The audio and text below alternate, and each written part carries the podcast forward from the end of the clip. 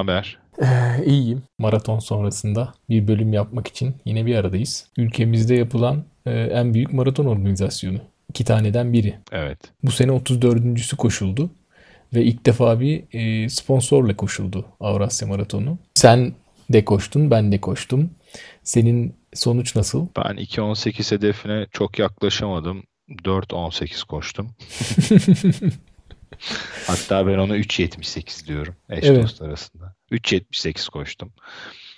Yani çok kısaca ben anlatayım hedefimi sonra nereye geldim. Aslında ben birinci süre hedefiyle değil de birazcık toparlanıp kendime geleyim, spor hayatıma döneyim diye işte 7-8 hafta kala hadi düzene gireyim diye bu kararı alıp yani aslında hedefi maraton antrenmanı olarak koyup bu işe girdim.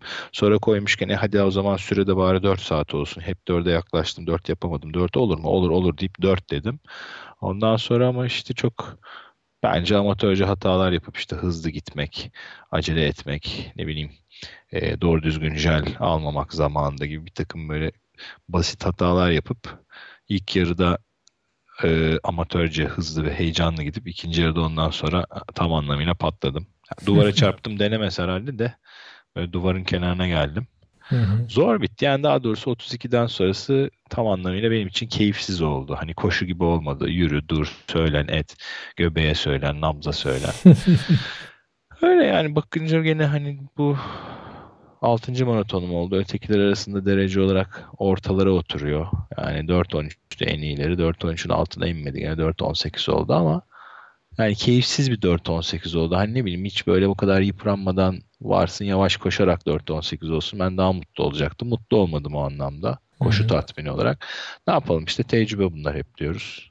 Evet. Bakalım. Aslında senin için bence sonuç başarılı. Çünkü e, koşuya, düzenli koşuya, düzenli antrenmanlara dönüştü amaç zaten. E, o anlamda da hedefine ulaşmışsın denebilir. Canım ben zaten kendi dobiçliğimde bir adam için de hani 4.18'i böyle çok kötü bir süre olarak görmüyorum. Tabii ki genel anlamda maraton süresi olarak 4.18 çok böyle şey hani böyle rafa konup gösterilecek bir şey değil belki ama benim sıkıntım orada memnuniyetsizliğim zaten hmm, yaptığım artık bu kadar koştuktan sonra yapmamam gereken hataları yapmış olmam. Hmm. Çok basit hani herkese atıp tutup zart zurt ettiğim şeyleri kendi kendim hata olarak yapmış olmam. O ters geldi. Kendime kızdım. İşte, işte o sıradaki koşu psikolojisi. Sağ olsun Necdet abi de İlmail'den Avusturya'dan abimiz 50. maratonu falanmış yaklaşık. O da yolda sö- yolda söyledi onu da şaka gibi. Ee, yani onun sayesinde İTKK bitirmişimdir. Ama e, şöyle söyleyeyim. E, Sen biraz şanslıydın. Yanında böyle sana eşlik eden birileri vardı. O e, sıkıntılı e, bir zaman vardı biliyorsun. E, Sahilde geriye doğru koştuğumuz bölümde. O bölümde herkes eminim canı sıkılmıştır. Çünkü bugün ben de yarış raporumu yazdım. Orada da tam söylediğim gibi kelimenin tam anlamıyla dönünce çirkin bir gerçekle karşı karşıya geldik. E, yüzümüze çarptı rüzgarın kendisi. Ya ben hani böyle rüzgarı veya hani başka şeyleri güneşi, sıcaklığı, soğukluğu bahane etmek istemiyorum artık böyle 5. 6. yarıştan sonra da. insanın keyfini kaçıran bir gerçek oluyor. Çünkü biliyorsun o dönüşü yaptıktan sonra 29. kilometrede yapıyoruz dönüşü. Ve 39-40'a kadar tam aynı hizada aynı yöne doğru koşuyorsun. Ben ama demiştim rüzgar karşıdan gelecek dikkat edin demiştim ben. Ya ya biraz da senin e, verdiğin yanlış bilgilerden oldu. Çünkü hatırlarsan şey demiştin sen bir önceki bölümümüzde e, sahilde Bakırköy tarafına giderken karşıdan rüzgar yiyeceksiniz. Ama Evet. sıkıntı yapmayın dönünce arkanıza alacaksınız sonu güzel bitecek bu işin demiştin. İşte seneye inşallah artık bu sene olmadı. Lodos, Poyraz oluyor öyle. Ne yapalım? İstanbul büyük şehir, deniz havası. Aa, yani aa. Evet evet biz de sanki şey gibi davrandık. Sanki rüzgar orada hep aynı yönden esermiş gibi. Açıp böyle e, havanın sıcaklığına, yağmurlu olmamasına baktık ama rüzgarın hangi yönden eseceğine bakmayı akıl edememişiz o E hengamede. gider giderken arkadan esti o zaman aynı mantıkla düşünürsen. Ne fark eder? Sürekli önüne geçmiyor ki rüzgar yani. Allah Allah. Doğru doğru tabii. Ee, ben bana gelince ben de e, aslında benim sürem iyi gibi görünmekle beraber genel bakış açısıyla e, kendi kafamdaki hedefe biraz uzak düştüğü için e, ben de aslında senin söylediğin gibi çok mutlu değilim sonuçtan. Ben 3.21 koştum. Geçen son maratonum 3.22 idi. Böyle insan 15 hafta çalışıp 1-2 dakika ilerletince biraz canı sıkılıyor ama her maratonu tamamen kendi özelinde değerlendirmek lazım. Her şey değişiyor. Bir kere maraton koşarken çok fazla parametre var. Hem dış koşullar hem senin kendine ait e, durumlar sürekli değişiyor ve bunları sürekli yönetmek zorundasın. E, ya işte hava açıyor, hava kapanıyor, rüzgar esiyor. E, hiç beklemediğin anda bir kalabalığın içinde buluyorsun kendini vesaire. Yani böyle sıkıntılı bir sürü parametre var. Her zaman da istediğini elde edemeyebiliyorsun. Ben şu açıdan mutluyum. Bu yarışta moralimi hiç bozmadan sonuna kadar elimden gelenin en iyisini yaptığımdan emin olarak ilerledim. Bu parkurda, bu yarışta, bugün, o günkü koşullarla elimden gelenin en iyisi 3.21'di. Ee, aslında biraz da şey, sıkıntı e, bugün yarış şeyimde de sonuç raporunda da yazdım blogumda. Biraz yarışta yaptığım şeylerle ilgili değil de yarış öncesi yaptığım hazırlıkla alakalı gibi görünüyor. Bakalım bunların hepsini değerlendirip e, bir şekilde önlemler alıp devam edeceğiz. Bence ikimiz de daha iyi, daha hızlı maratonlar koşabiliriz. Bakalım.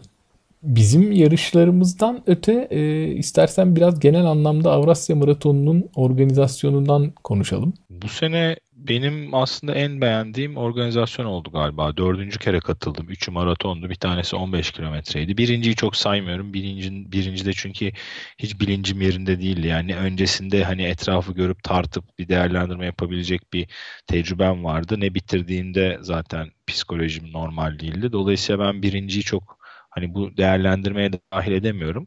Ama sonraki yıllarda gördüklerimle bir de arada işte bir iki kere yurt dışı yarışlarına katılma şansım oldu. Orada gördüklerimle kıyasladığım zaman bence bu sene ki Avrasya şimdiye kadar gördüklerim içinde en sıcak, organize ve insanların genel mutlu olduğu organizasyondu. Ee, katılım olarak sen birazdan bahsedersin. Senin güzel matematiksel verilerin var. Ee, ama bilmiyorum ben içeriden gördüğüm kadarıyla hani böyle çok büyük bir artış göremedim sayılarda. Hani Avrasya Maraton çünkü nispeten hani tenha bir maraton denebilir gibi geliyor bana.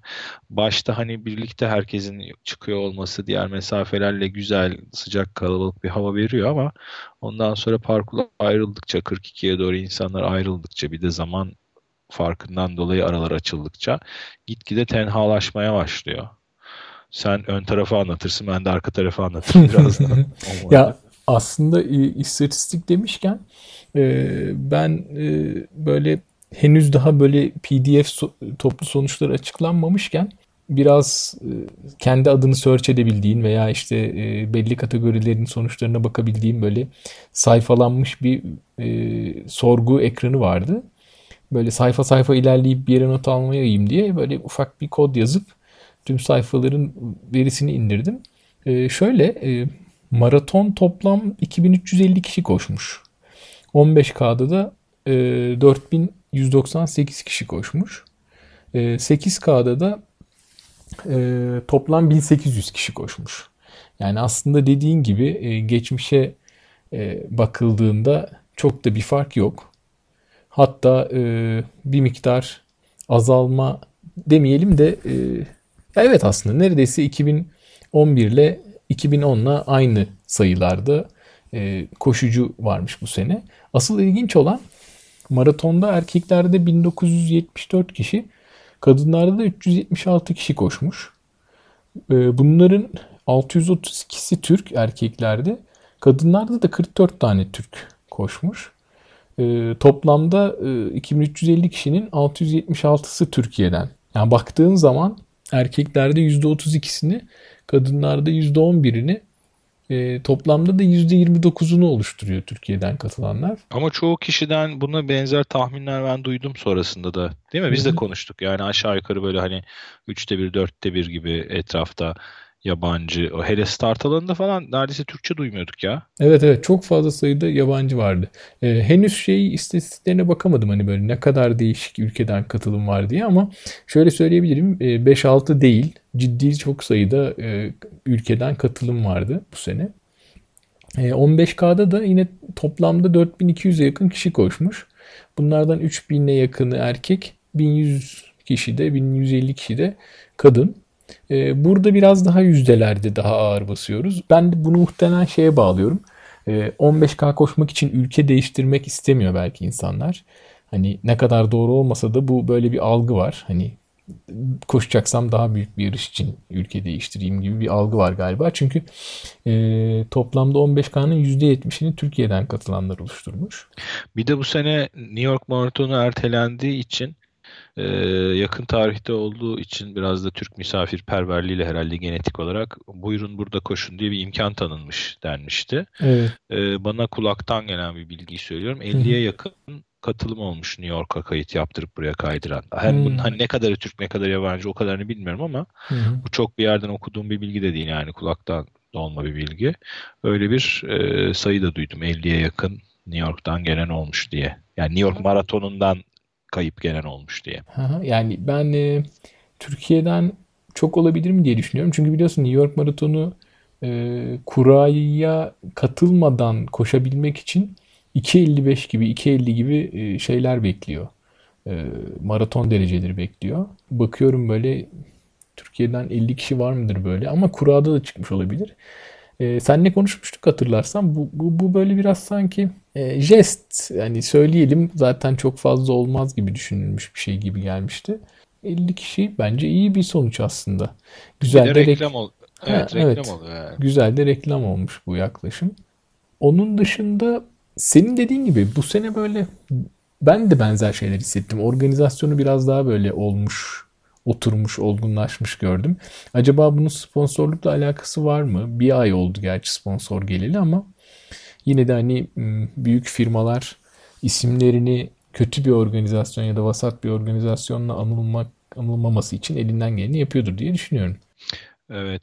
Mesela sen en son ne zaman girmiştin Avrasya'ya? 2009'da 3 sene önce. İlk maratonumdu benim de. Ha, mesela madalya hemen ilk aklıma yani madalya o zaman böyle değildi değil mi? Özel madalya yapılmış, dökülmüş bir madalya değildi sanırım. Hmm. Hatırlıyor musun? Şimdi tam hatırlayamıyorum ama yani çok güzel bir madalya olmadığını hatırlıyorum ama. Ha, mesela bu seneki madalya bana çok böyle hani oturaklı geldi baktığın zaman gerçekten ağırlığı olan hacmiyle boyutuyla. Hı hı. Ee, o tabii özellik katıyor. Ya ben Onun dışında verdikleri tişört mesela hani daha kullanılabilir en azından saklanabilir bir tişört gibi geldi bu sene bana. Ya sonuç sonuç torbasından çıkan tişörtü kastetmiyorsun eminim. Ee, o, o bir facia. Hayır sonuç şey ilk verdikleri evet, şeyin evet. içinden çıkanın diyorum. Kırmızıdan bahsediyorum. Kayıt torbasından çıkan evet güzel bir tişörttü evet, de. Ha, bu arada ben sonuç torbasından tişört çıktığını bile farkında değilim. çok çok fenaydı. Şöyle söyleyeyim ben mesela bu sene e, Avrupa yakasından gittiğim için start noktasına seninle beraber bu otobüs meselesini falan da yaşamış oldum. Bence iyi kotarılmıştı. Çok fazla kalabalık olmasına rağmen çokça otobüs tıkır tıkır dolup dolup gidiyordu. Ee, mesela ben orada biraz kaos olacağını düşünmüştüm. İyi işledi o sistem. Sonra start alanı da böyle bana çok e, planlı ve organize geldi, düzgün geldi. Ee, şu yaklaşım çok iyi olmuş. Ee, başlangıçta insanları start çizgisinden 15-20 metre hatta böyle 50 metre falan geride beklettiler. Çünkü biliyorsun bizdeki yarışlarda böyle hemen çizgiye yakın bir yerde bekletirsen insanlar gıdım gıdım ilerleyerek daha yarış başlamadan ilk halının e, ötesine geçmiş oluyorlar ve insanları geri getirmek için epey uğraşıyor organizasyon. Şimdi böyle yarışa bir dakika kala insanları böyle yavaş yavaş o 50 metreyi geçirdiler. E, tam yarış başlayacağı zaman da halıya yaklaşmıştı insanlar. O yüzden böyle düzgün ve intizamlı bir start oldu. Startta benim yaşadığım şu sıkıntı oldu. E, ya sonuçta mesela maraton ve 15K ayrılmıştı biliyorsun. Ne dedik? İşte maratonda toplam 2350 kişi, 15K'da da 4200 kişi var dedik. E, maraton tarafında 2350 kişi var ve yani ne yazık ki şey olamıyoruz. İnsanlar koşacakları hıza göre sıralanamıyorlar bir kılavuz olmadan. Demek ki 2350 kişi olsa bile bir kılavuz koymakta fayda var. Yani start noktasına hmm, pace tabelaları yerleştirilse e, her ne kadar o tabelalara da uymayacak kişi çıksa da e, o anda bunun farkında olmayan ya da bu konunun önemini bilmeyen bir insan tabelaları görüp e, onlara uyacaktır. Niye bunu söylüyorum? Çünkü ben mesela hani sizle birlikte bekliyorduk start noktasında. Ee, şey diye düşünüyordum hani ortalarda bir yerdeyiz ve benim hızım için uygun bir yerdir diye düşünüyordum. Ama başlar başlamaz ciddi sıkıntı yaşadım. Yani insanlar böyle yürüme temposunda önümdeki birçok insan ya böyle boğazın keyfini mi çıkarmaya çalışıyorlardı başka bir şey mi anlamadım. Epey bir insana çarparak slalom yaparak ilerlemek zorunda kaldım. Ya ben, ya ben de mesela tabelalar olsa daha düzgün bir yerde duruyor olabilirdim ama e, start alanında ben böyle bir sıkıntı yaşadım. Sizin startınız nasıldı bilmiyorum. Bize sinir oldun yani yanına geliyoruz diye. Yok canım. Bizim startımızda tabii o kadar bir itiş kakış yoktu. Hani ben gene de ama en azından bir yıldıza yaklaşana kadar olması gerektiği tempoya çok fazla çıkamadık Necdet abiyle. Yani çok o kadar da şey yapmadık. Yani hani ben kendi adıma o kadar tabii saniyeleri hesaplamadığım için çok o kadar takılmadım ama dediğin doğru. Ee, ama onun için ne gerekiyor? Önceden insanların başvuru formunda bir hane açıp oraya hedef süreleri yazdırtman gerekiyor. Sonra o yazdıkları hedef süresine göre insanlara bir renk kodu veya başka bir kod vermen ve o bölgelere ayırıp sonra o insanların o bölgelere girmelerini kontrol etmen gerekiyor. Ya yok bu kadar kontrollü bir şeyden bahsetmiyorum. Hani yarış takviminin yarışlarında hiç öyle bir kontrol olmuyor. Ee, birkaç tane gönüllü veya birkaç tane organizasyondan kişi ellerinde pace tabloları tutuyorlar ve bir yerde duruyorlar. İnsanlar anlıyor ki ben şu tablonun berisinde veya ilerisinde durayım. Hani bu kadardan bahsediyorum. Söylediğin detayda bir kontrolü biliyorsun daha böyle 10 bin kişi veya üzerindeki yarışlarda yapıyorlar zorunlu olarak. Ee, burada 2350 kişiyle start alırken bence hani kontrolsüz bir tabela sistemi işi çözer. Belki. Hı. Sen Pacer işine ne diyorsun? Hiç olmamasına mı? Evet. Ben onu hala anlamıyorum. Yani acaba bilmediğimiz başka bir takım bürokratik veya işte ne bileyim pratik bazı sıkıntılar mı var? Yani çünkü Yo. gönül, gönüllülük bile açısı eminim o kadar çok adam çıkacak ki bunu yapmak isteyecek gönüllü. Tabii canım Avrasya gibi bir organizasyonda kim pacerlik yapmak istemez? Ama yani, tabii işte güven yani nasıl belirlenecek? Gerçi insanların sonuçları e, bütün dünyada e, biliniyor, tanınıyor. Yani ne kadar amatör de olsak, ne kadar acemi de olsak AdLinks gibi bir site var. E, ve yani... Ha, sen Pacer seçiminden mi bahsediyorsun? Nasıl evet, olacak? evet, evet. Aslında bir yeri gelmişken şimdi biz tabii herkesin Pacer'ı bildiğini terim olarak düşünerek konuşuyoruz da çok kısaca bir açalım belki bilmeyenler vardır diye. Pacer şu e, normalde bir hedef süresi varsa koşucunun maraton için veya yarım maraton için o sürede bitirmek için ortalama belli bir tempoda koşması gerekiyor veya bir takım tempolar arasında gidip gelerek stratejisine göre e, kendini kontrol altında kısaca tutarak koşması gerekiyor. Bunu da yapmanın yolu mesafe ve saat orantısı kurarak hızını ayarlamak. Bu tabi her zaman her tecrübede her koşucu için çok kolay değil. Koşu saatleri bunu kolaylaştırıyor olsa da gene de koşu saatine bakarak bile tempo tutturarak koşmak belli bir tecrübe ve yetenek demesek de alışkanlık isteyebiliyor. Dolayısıyla bu konuda yetkin koşucuları organizasyonlar görevlendiriyor. Ee, işte Mert'in de demin bahsettiği gibi atletik altyapısına da biraz bakarak, o, bakarak o güvenceyle diyor ki işte sen senin görevin maratonu mesela 3.40'da bitirmek. İşte senin görevin 4'te bitirmek. Senin görevin 4.15'te bitirmek. Atıyorum seninkisi 3 saatte bitirmek. Bu adamlar da zaten üzerlerinde tempo koşucusu, pacer, te, tempo veren e, anlamında e, bir takım işaretler taşıyorlar. Bazen bu bayrak oluyor, bazen balon oluyor. Daha değişik giyiniyorlar. Bazen yarışın sponsorunun markasında baştan aşağı giydiriliyorlar. E, ondan sonra bunlar başta o aralıklarda gene Mert'in bahsettiği gibi çeşitli bölgelerde duruyorlar sıralamaya göre. Sen bakıyorsun diyorsun ki ben atıyorum 3.20'de koşmak istiyorum. Gözüne 3.20 pacer'ını kestiriyorsun.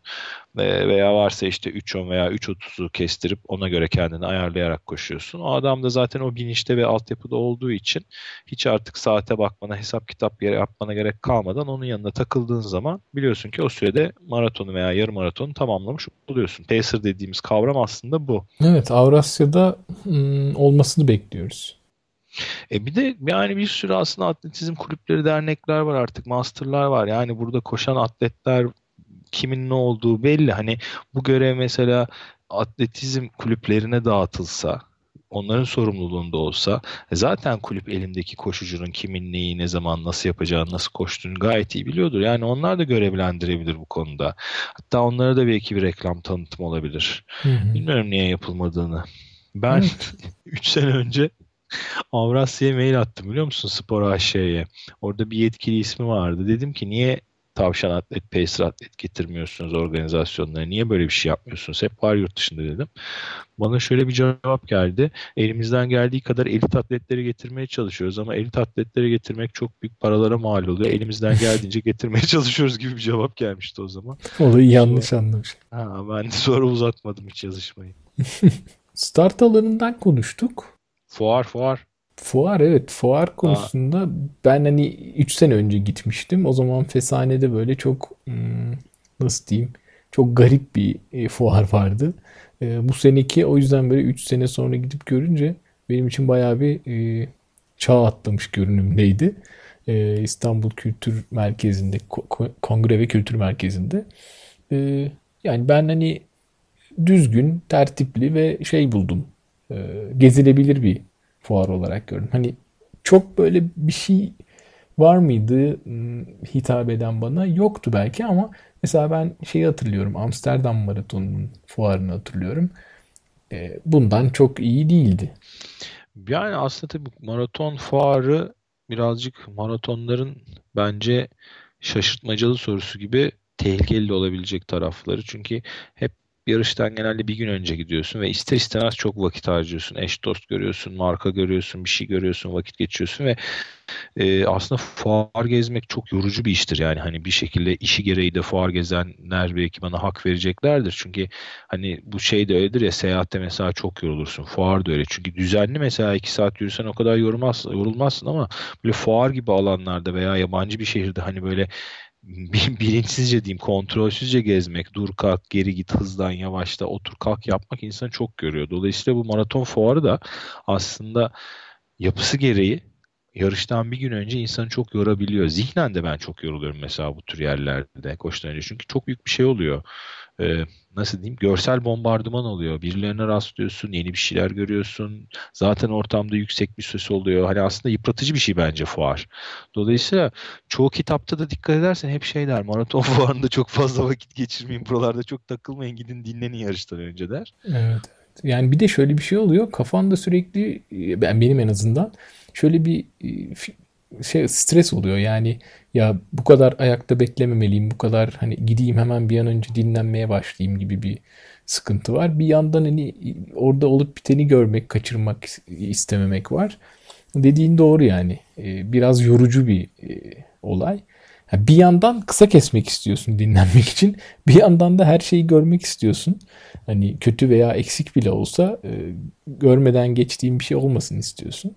Ama şöyle söyleyeyim. Mesela bu sene fuardaki kayıt bölümü biz cumartesi öğlen gibi gittik biliyorsun. Ben böyle sıkıntı yaşarız diye düşündüm ama çok böyle tıkır tıkır işleyen güzel bir sistem kurulmuştu. Hiç sorun yaşamadan e, aldık her şeyi. Evet çalışan arkadaşlar da o anlamda çok hazırlıklı ve hızlıydı. Onlar Hı-hı. çok etkiliyor tabii. Tabii tabii yani şöyle söyleyeyim hani hazırlanılmış bir, bilen birileriyle bu organizasyon hazırlanılmış. O yüzden oralar e, bence iyiydi. Fuar konusunda e, söyleyecek, ekleyecek bir şeyin yoksa aslında belki de istasyonlara hani parkur boyunca e, yer alan istasyonlara biraz değinebiliriz. Evet bu sene istasyon sayısı da aslında bayağı bonkörceydi değil mi? Ya hem ya şöyle söyleyeyim sana ben koşarken bunu çok düşündüm. E, bonkörceydi ama negatif bir anlam içermeyen bonkörceydi. Hani bazen de şey oluyor ya böyle takır tukur tamamlı karşına çıkıp böyle seni rahatsız ediyor. Hani alsam mı almasam mı ikileminde kalma anlamında söylüyorum. Ben böyle çok kendimi rahat hissettim. Mesela birine uğradım, diğerini atladım. Hani atlarken hiç sıkıntı duymadım. Biraz sonra bir 10-12 dakika sonra tekrar karşılaşacağım bildiğim için. Ya bu anlamda çok rahat koştum ben istasyonlar anlamında. Şey de güzeldi bence. Yani eskiden tek uzun masa yapıyorlardı diye hatırlıyorum. Şimdi mesela masaları bölmüşler. Hani böyle 50-60 metrede 3 tane masa görüyorsun istasyon olarak. Evet. O tabii biraz yığılmayı, çöp yığılmasını da engelliyor. Çünkü tek masa olduğu zaman böyle zikzak geçişler çoğalıyor. Duranlar böyle bloklar oluşturuyor. Ama... Yere atılan sular birikiyor daha öbek öbek. Hani bu biraz daha ferahlık yaratıyor gibi geldi bana. Doğru. Güzel tespit ama sanki bu daha önce söylense iyi olurmuş gibi geldi bana. Çünkü ben bunu 3. 4.den sonra fark ettim. Hep böyle Aha. olduğunu. Hatta böyle dördüncü, beşinciden sonra da bu sefer şey diye düşünmeye başladım. Abi belki buraya kadar böyleydi. Bundan sonra böyle olmayabilir. Çünkü bir de hani böyle koştuğumuz istikamette olduğu için diğer masayı görememe gibi bir ihtimal olabiliyor. Emin olmayıp hep ilk istasyona saldırdığım zamanlarda oldu yani. Bir de bence kapaklı küçük şişe de büyük nimet ya. Ne diyorsun? Bence su anlamında çok doğru bir seçim yapılmıştı. Evet. E, 200 cc'di değil mi? Yani 300 değildi bunlar. Hayır. Ufaktı ve kapaklı şişe de bence avantajlı. Evet hani evet. Koşan adamın hani durmak istemeyen adamın kağıt bardaktan su içmesi beceri ya. Evet evet. Ben mesela su anlamında çok memnun kaldım. Suyu alıp hepsini içip hiç böyle boşa harcamadan e, hep aldığım suları sonuna kadar tükettim ve bana tam yeterli geliyordu. Bilmiyorum herkes için geçerli olmayabilir ama hani e, böyle 5 kilometrede bir böyle bir su almak bazı, bazısında iki defa aldım iki tane aldım ama e, çok yeterliydi. Şimdi tam bu noktada tam tersi Powerade'deki şişe seçimi geçen Rantalya'da da konuşmuştuk aynı şeyi. E, 500 cc Powerade alıp e, maraton koşarken içmeye çalışmak pek beklenmedik bir şey. Neden? 500 cc miydi verilenler? Ne yaptıysanız siz öndekiler Powerade'leri bizde kapakları vardı bir tek. evet ya baya böyle şey kocaman o hani bildiğin standart büyük Powerade şişeleri vardı yine bir sürü insan alıp 2-3 yudum içtikten sonra atıyordu. Hani kimse taşımak istemiyor elinde. Ya orada benim tahminim şu şimdi bu Powerade'lerin iki tip boyu var ya büyüklerinde bu şey var ucu cücüklü kapak var hani aç kapa sporcu tipi kapak. Yani küçüklerde o yok. Küçükler evet. biraz daha şey hani geniş ağızlı ve yassı kapak yani vida sayısı da az kapak oluyor. Hı. Belki ondan vermek istememiş olabilirler o sebeple. Çünkü onu da hani açması içmesi zor. Ya bilmiyorum diye. şimdi onu içmesi zor. Yarısını üstümüze dökeriz diye düşünüyorlar ama bunun ya da yarısını çöpe atıyoruz hatta yarısından fazlasını. Bilemedim hani biz de belki ya bulduk bunuyor muyuz bilmiyorum ama ya şöyle düşünüyorum. 500 değil de 200 cc'lik şişelerde olsa var mı öyle şişesi bilmiyorum Powerade'in özel de üretilebilir. siz yani siz diyorum arkadan böyle 4 saatin üstünde bitiren insanlar için de kalabilirdi Powerade'ler. Siz diyor ya. ya ben biz diye konuşunca ben de öyle bir şey söyleme ihtiyacı hissettim. Bize kalmamıştı deyince. Evet siz öndekiler, biz arkadakiler. Ee, evet yurt dışında mesela Berlin'de hatırlıyor musun şey veriyorlardı bu izotonik içecekleri e, büyük bir tankta hazırlayıp sonra böyle bir sistemle kağıt bardaklara el tabancası gibi bir şeyle dolduruyorlardı. Hatta mataranını uzatıyordun ona böyle tulumba gibi bir şeyden sıkıyorlardı. Hı-hı. Sanırım İzo, İzostar'dı orada verdikleri markada. Ya o, o da biraz bir şey belki bir çözüm olabilir. Bilmiyorum. O da biraz garipti böyle. Kağıt bardakta yarım bardak sporcu içeceği. Zaten evet. kağıt bardakta koşarken alırken yarısını da döküyorsun. Çeyrek bardak yani neredeyse bir yudum oluyor. Her istasyonda birkaç tane almaya çalışıyordum ben yani orada da. O da bir ters. Bana bir az Powerade. Evet. Hmm, peki istasyonlar böyleydi. Bir, bir ilginç bir konu var aslında. Hepimiz dikkat etmişiz. Ee, bugün Aykut'un e, bahsetmesiyle hepimizin ayrı ayrı düşündüğü şey ortaya çıktı. Ölçüm yapan, çip okuyan halıların yerleşimiyle ilgili böyle soru işaretleri var kafamızda aslında değil mi?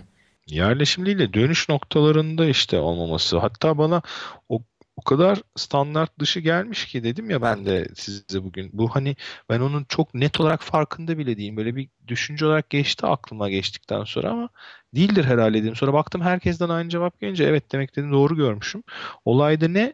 Bir Feshane dönüşünde, iki Bakırköy Geliğin önündeki dönüşte tam dönüş noktasında yoktu değil mi kontrol? Evet yani çok sayıda okuma halısı koymuşlar. Yani 5, 10, 15, 20, 21 30-35 bayağı bir böyle 5 kilometrede bir e, okuyan e, sistemler vardı.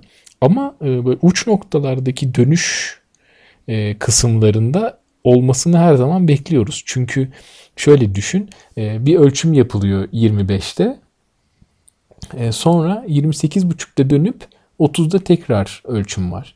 Bu şu demek yani e, 25'ten sonra 20 27.5 28 gibi bir şekilde böyle bacağın ağrıyormuş gibi orta refüje otursan hafif hafif kaykılsan öbür tarafa doğru diğer tarafta koşmaya başlasan böyle 1-2 kilometrelik bir avantajla 30 kilometre kontrol noktasından da geçip kimsenin hani kayıtlardan fark edemeyeceği bir avantaj sağlayabilirsin kendine.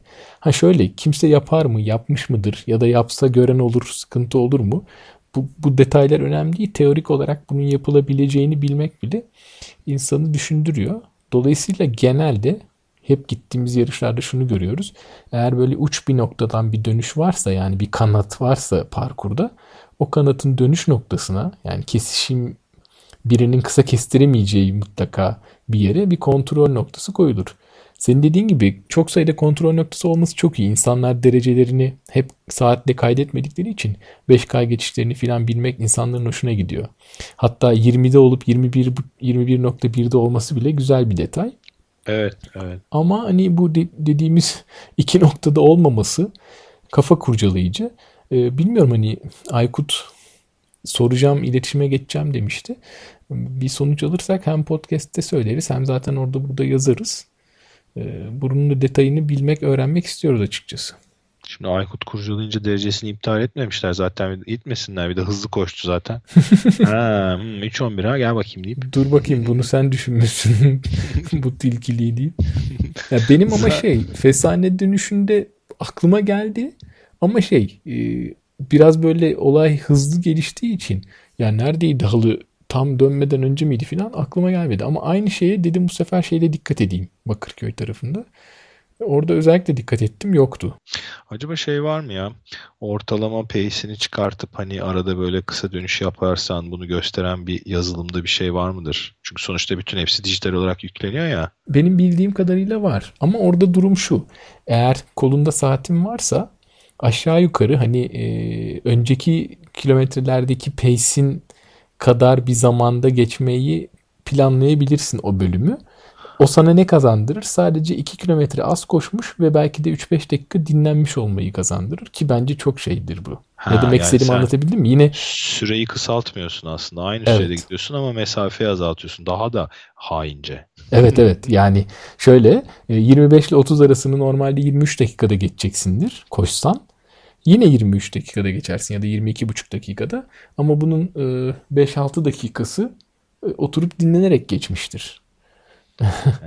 yani eyvah, evet. hem 40 kilometre 42 kilometreden az koşuyorsun hem de böyle 30 gibi böyle yorulmuş olduğun bir yerde biraz dinlenmiş oluyorsun. Ha, bilmiyorum bunlar tamamen aslında komplo teorileri ama e, olsun yani insanın aklına takılıyor, midesini bulandırıyor. E, teori meori de buradan oturup millete resmen akıl öğretiyoruz ya. Sen sil bakayım şunları da bölümden suç gelecek sene iki zibidinin aklına uyup 35 bin kişi maratona girip lay lay lom yürüyerek. ya bizimkisi e, bizim amacımız kötülük değil aksine iyilik. Hani bunun e, belki de daha sonra hep böyle düzgün yapılması. Ya zaten şöyle bu yarışta ilk defa gördük bunu. Hmm, kimsenin böyle bir olaydan haberi olmadığı için bunu planlayıp yapmak filan ciddi sıkıntı. Dolayısıyla e, şey amaç yapıcı eleştiride bulunmak. Varsa gelecek, da mantığını öğrenmek yani. Gelecek bölümde konuğumuz Rambo Kemal. ya aslında bu sene biliyorsun Amerika'da da bu konu hani belki bir bölümde konuşmuşuzdur. Bu konu gündeme geldi. Böyle çip kontrol sistemlerini yanıltmaya çalışan insanlar. Yani ne yazık ki hani böyle çok e, milyonlarca insan var sportmen Hani kendi derecesini 1-2 dakika ilerletmek için 15 hafta çalışanlar var aramızda. Ama bir yandan da hani böyle e, ufak kazanımlar için e, aklına böyle tilki gibi fikirler gelen birileri de olabilir. Neyse hadi kapayalım artık bu çip konusunu çok sakat yerlere geldik ya. Onun ötesinde ben e, finish'ten biraz söz etmek istiyorum. E, Avrasya'da önceki katıldığımda finish noktasına geldiğimde artık bitmiş olduğumdan çok fazla şeyi e, irdeleme fırsatı bulamamıştım. Kendimi zor bir yere atıp bayılmak üzere dinlenmeye başlamıştım. Bayılmak Yer bulabiliyor muydun bayılacak finişte? Ya biraz yürüyüp ilerideki bankları bulmuştum. işte bu sene çok net fark ettim ki biraz böyle finish karma karışık oluyor. Ya aslında şöyle biz bunları böyle eleştiri gibi söylüyoruz negatif şeylermiş gibi de hep dediğim gibi hani böyle iyiye gitmesi için e, gördüğümüz şeyleri paylaşıyoruz. Bu sene organizasyonun geneli çok iyiydi ama finish finish nedense böyle böyle umduğum kadar ferah olmuyor. Gerçi ben bunu size söylediğimde siz şey dediniz. Bu sene çok iyiydi falan dediniz. Evet yani şimdi ben de lafını bitirmeni bekliyorum. Bence çok ferahtı bu sene finish geçen senelere göre. Ya. Enteresan bak bu iki değişik görüş. Hı hı. Ya şöyle benim benim beklentim şu. Ee, biraz daha böyle açık bir alanda e, sadece Sambacı koş... kızlar olsun mesela. Olabilir evet. Ee, yani mesela şöyle örnek vereyim. Amsterdam'da şöyle olmuştu. Yarışı bitiriyorsun. Stadyumun içinde bitiriyorsun. Şeyde hmm, tartan pistte. Sonra yavaş yavaş seni yürütüyorlar. Yönlendiriyorlar. Stadyumun dışına çıkıyorsun. Orada sadece koşucuların girebileceği böyle bir koridor var. E, yeteri kadar genişlikte. Seni böyle önce bir e, enerji içeceklerinin yanından geçiriyorlar iki taraflı. İstediğin taraftan enerji içeceğini alıp içiyorsun. Bir, birkaç adım daha ilerliyorsun. Şöyle 10-15 metre sonra iki taraflı meyve standının olduğu bir yerden geçiyorsun. Biraz daha ilerleyince böyle torbanı alıyorsun. Efendim biraz daha ilerleyince madalyanı boynuna takıyorlar. Böyle böyle seni hani hem ihtiyaçlarını giderip hem de çok böyle düzgün bir şekilde e, büyük bir meydana doğru e, yönlendiriyorlar. Mesela ben Şehir, orada şehirden çıkarıyorlar yavaş. evet yavaş yavaş sınır dışı. Artık bitti maraton. E, yani böyle şey e, bana mesela o yöntem çok akıllıca gelmişti. Benzer bir şey Berlin'de de vardı hatırlarsan. Ama işte onun çok ufağı bu sene de vardı ya. Resmen koridor vardı ve sana hani devam etmeni söylüyordu görevliler. Hatta ben bir yerde geri dönmeye çalıştım. Beni görevli almadı. Ya dedim şimdi bitirdim.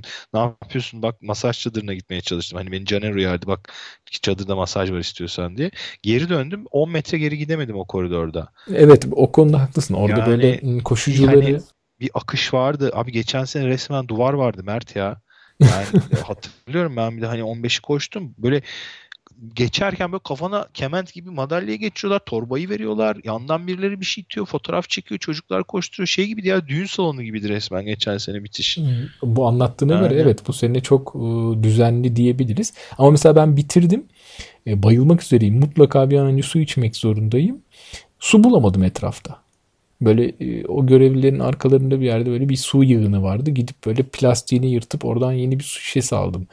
Hmm. Sonra sordum böyle ya madalyalar ne tarafta filan diye. Yani bilmiyorum hani belki de sonradan daha düzenli bir hale getirilmiş olabilir ama ufak bir biraz daha böyle bir organizasyona ihtiyaç var gibi bence. Sana anketör geldi mi? Yok bana anketör gelmedi ya o ne öyle? İşte bana o demin söylediğim koridorda bir çocuk geldi. 42 mi koştunuz dedi. Ben evet dedim. Tebrikler bir anketimiz var. Katılır mısınız dedi. Hayır dedim ben de o halde. Ne, ne diyeceğim? Anket. Sonra bir daha biraz daha yürüdüm. 10 metre sonra bir adam daha geldi. Tebrikler 42 mi koştunuz dedi. Ona da evet ama anket yapmam dedim direkt. Peki dedi gitti. Yani biraz yanlış yer seçimi sanki hani anket için ne bileyim. Evet ya pek olabilecek gibi bir şey değil yani kim olursa olsun 42 kilometreyi koştuktan sonra pek anket cevaplayacak durumda olmayacağını düşünüyorum ama var mıydı sen, yapanlar? Sen dedin değil mi? Anket oymuş zaten. Sonuçları açıklıyorlar. 42 koşanların yarısı anket yapmak istemiyor. Yarısından fazlası. Yarısından fazlası. Demek ki maraton gerçekten yıpratıcıymış falan diye bir sonuca varıyor. Evet. Ya bu arada tatsız haberler aldık koşuyla ilgili. Evet aslında. Koşuyla ilgili demeyelim de koşudan diyelim ya. O en çok tartıştığımız konu zaten işte bak biz de öyle diyoruz. Evet ya şey yarış sırasında 15K koşan iki kişi sıkıntı yaşamışlar. Kalp rahatsızlığı. Biri de ölmüş. Bir vefat eden kişi Türk. Diğeri sanırım hala hastanede. O da Finlandiyalı. Evet. E, ilginç olan ikisi de 15K koşucusu. İlginç olan diyorum çünkü bunlar genelde böyle maratonda olması beklenen ya da maratonda olduğunda çok şaşırılmayan durumlar. Bilemiyorum yani gerçekten çok üzücü şeyler. Ama şunu hep söylemek lazım. Yarışa katılan insan sayısı arttıkça, koşan insan sayısı, yarışa katılan insan sayısı arttıkça e, bu istatistiğin de artması kaçınılmaz ne yazık ki. Çünkü biliyorsun hayatın her aşamasında böyle şeyler yaşayabiliyor insanlar. E, bunu doğrudan koşuyla ilişkilendirmek hani medyanın hoşuna gidiyor. Böyle dikkat ettiysen bütün gazetelerde aynı başlık atılmıştı. Maratonda şok ölüm diye. Evet. Ya bilmiyorum bana ya bu kadar üzücü bir olayı böyle koşuyla maratonla ilişkilendirmek yani böyle bir etkinlik sırasında bir e, ölüm yaşanmış. Bu çok üzücü. Yine buradan şey yapmamak lazım. Hani spora veya koşuya bağlantılandırmamaya çalışarak haber vermekte fayda var. Evet yani dediğin gibi biraz medyanın işi kendine yorması demeyeyim de ne diyelim istedikleri öne çekmesi gibi mesela şey de var. Maratondan renkli görüntüler diye başlık. Benim ikinci illet evet. olduğum başlıkta o. Yani hani maratondan renkli görüntü deyince ben maraton koşu bir, bir koşan biri olarak ne bekliyorum? Ne bileyim işte e, hani yardımlaşan e, mesela tekerlekli sandalye iten veya yaşı ilerlemiş veya hani değişik ilgi çekmek için çeşitli amaçlar için değişik kostümlerle değişik hallerde koşan insanları görmek hani benim için renkti. Çünkü bunlar renk katıyor maratona. Yoksa baktım mı 10 bin kişi de aynı şeyi yapıyor. Yani herkes don gömlek koşuyor bakınca. hani hakikaten renk katan şeyler, değişiklik katma değer katan şeyler bunlar. Ama maratondan renkli görüntüler bir açıyorsun adam simit satıyor yolun ortasında. Yok yok ya, Yeniçeri kıyafetiyle e, köprüde yürüyen veya veya işte köprüde oturmuş küçük tüpte yumurta pişiren. Mesela bak ben şeyde çok sinir oldum. Şimdi sen Yeniçeri deyince şeyden çağrıştırdı. Aynı fotoğraftaki başka görüntülerden çağrışım yaptı. Hatırlıyorsan e, bir Nike'ın koşusu oldu bundan kısa süre önce. Hı hı. Oradaki şartnamede çok net olarak şöyle bir şey vardı. Biraz bana despotça gelmişti ama bir kere koşuda herkesin e, aynı tişörtü giymesini istemişlerdi. Bu, bu tabii reklam tarafı da var. Ama bir taraftan da bu kadar hani medyatik bir olayda işin amacından saptırılıp biraz daha provokatif taraflara çekilmesini engelleyecek bir şey. Hatta orada şey maddesi de vardı. Bu tişört giyecek. Onun dışında herhangi bir şekilde üzerinde ideolojik, politik veya başka bir mesaj, resim taşıyan, e, etki yaratacak kıyafetlere izin verilmeyecektir diye. Yani baktığında spor müsabakası mantığında bu doğru. Ama şimdi maratona bir bakıyorsun mesela bütün siyasi partiler hatta biraz daha o anlamda organizasyona yakın duran görüşlerde çeşitli sloganlar, bayraklar, fotoğraflar, pankartlar dikkatini çekti mi senin basındaki fotoğraflarda? Ben, Veya bunlar ben biraz... öne, öne çıkartılıyor bunlar mesela. Yani evet ben biraz görmek istemediğim için çok bakmadım onlara. ya bu sene böyle biraz uzak durdum. Çünkü biliyorum ki hani maratondan ilginç görüntüler diye maratonla hiç alakası olmayan fotoğraflar yayınlanıyor. Ya diğer mesela senin verdiğin örneği düşününce de ya insanlar böyle bir şeyleri bir şeyler adına koşuyorlarsa veya nasıl söyleyeyim bir şeyleri dikkat çekmek istiyorlarsa giyebilirler. Hani üstünde mesela ben bu yarışta çok şey gördüm. Ee, bilmem kimin dedesi tişörtüyle koşan çok adam gördüm. Ama bak o söylediğin adam koşuyor. Benim söylediklerim koşmuyor bile. Benim hmm, söylediklerim doğru. köprüyü geçiyor yani. Baktığında doğru, sonra doğru. Avrasya Maratonu başlığı altında diyelim çatısı altında herif kendi politik şeyinin yo, yo, propagandasını haklısın. yapıyor. Hani o şey, bana yani şey ben yarışın yarışa bir kural koymuşlar dedin ya. Yani koştuğu halde bir şeyler taşımak istiyor olabilir. Mesela hayvan haklarını savunan bir insan. Onun da önüne geçmiş olmuşlar e, Nike koşusunda. Ama şey anladık yani mevzu aslında şunu demeye çalışıyoruz ikimiz de. Avrasya Maratonu'nun her zamanki sıkıntısı yüz binler koştu gibi bir e, yanlış anlamaya doğru sürükleniyor insanlar. Neyse ama yani sonuçta büyük bir maraton yapılıyor. Bu sene organizasyon da iyiydi. E, biliyorsun farklı kriterlerden dolayı altın kategoride de koşuldu bu sene. Aslında şeyden hiç bahsetmedik. Birinci 2.11 koşmuş. Parkur rekorunu kırmaya çok yaklaşmıştı ama kıramadı. Evet ama bence parkur rekoru için zor bir havaydı ya. Yani, yani evet. Ne diyorsun? Biraz böyle e, son 10 kilometredeki rüzgar eminim onları da etkiliyordur yani. Yani ne kadar insanüstü olsalar da. Ama ben parkur rekorunu yanlış hatırlamıyorsam gördüm. Hatta o sırada finishteydik ve o günü havayı hatırlıyorum. Çok daha bahar havası mantığında bir hava vardı hmm. yani böyle bu kadar sert deniz rüzgarı yoktu o gün gibi hatırlıyorum ben de Mert. Aslında bu bu bu bu insanlar için bence Pazar günkü hava biraz sıcaktı. Biliyorsun bunlar böyle 4 ila 12 dereceyi seviyorlar. Özellikle böyle ortalaması olan 8-9 gibi dereceler tam rekor dereceleri. Biliyorsun pazar günü biraz hava sıcaktı. 15'in üstünde 18 falan olduğu dönemler oldu. Evet ameliyathanelerin soğuk olma mantığı diyorsun. evet evet yani bu adamlar biraz fazla ısınıyorlar ya. Hava bir açtı bir kapadı. Mesela ben de onu söyleyeyim ben iki tişörtle koştum. Bazen çıkarttım birini bazen giydim. Böyle elimde taşıdım yani. Güneş gittiği zaman çok soğuk oluyordu. E, etkilemiştir tabii yani. Özellikle ben sondaki rüzgarın onları etkilediğini zaten parkur rekorunu 30 saniyeli 40 saniyeli falan kaçırmış birinci. Rüzgarın da o kadar etki ettiğine eminim yani. Evet. E, evet bence iyisiyle kötüsüyle özellikle hani iyisiyle tarafının ağır bastığı bir Avrasya geçildi. İkimiz de koştuk. Güzeldi. Bence bundan sonraki seneler için e, göz kırpıyordu bize. Evet, evet. Dilersen bu bölümü de burada tamamlayalım. Peki o zaman herkese iyi antrenmanlar. Evet iyi antrenmanlar. Görüşmek üzere.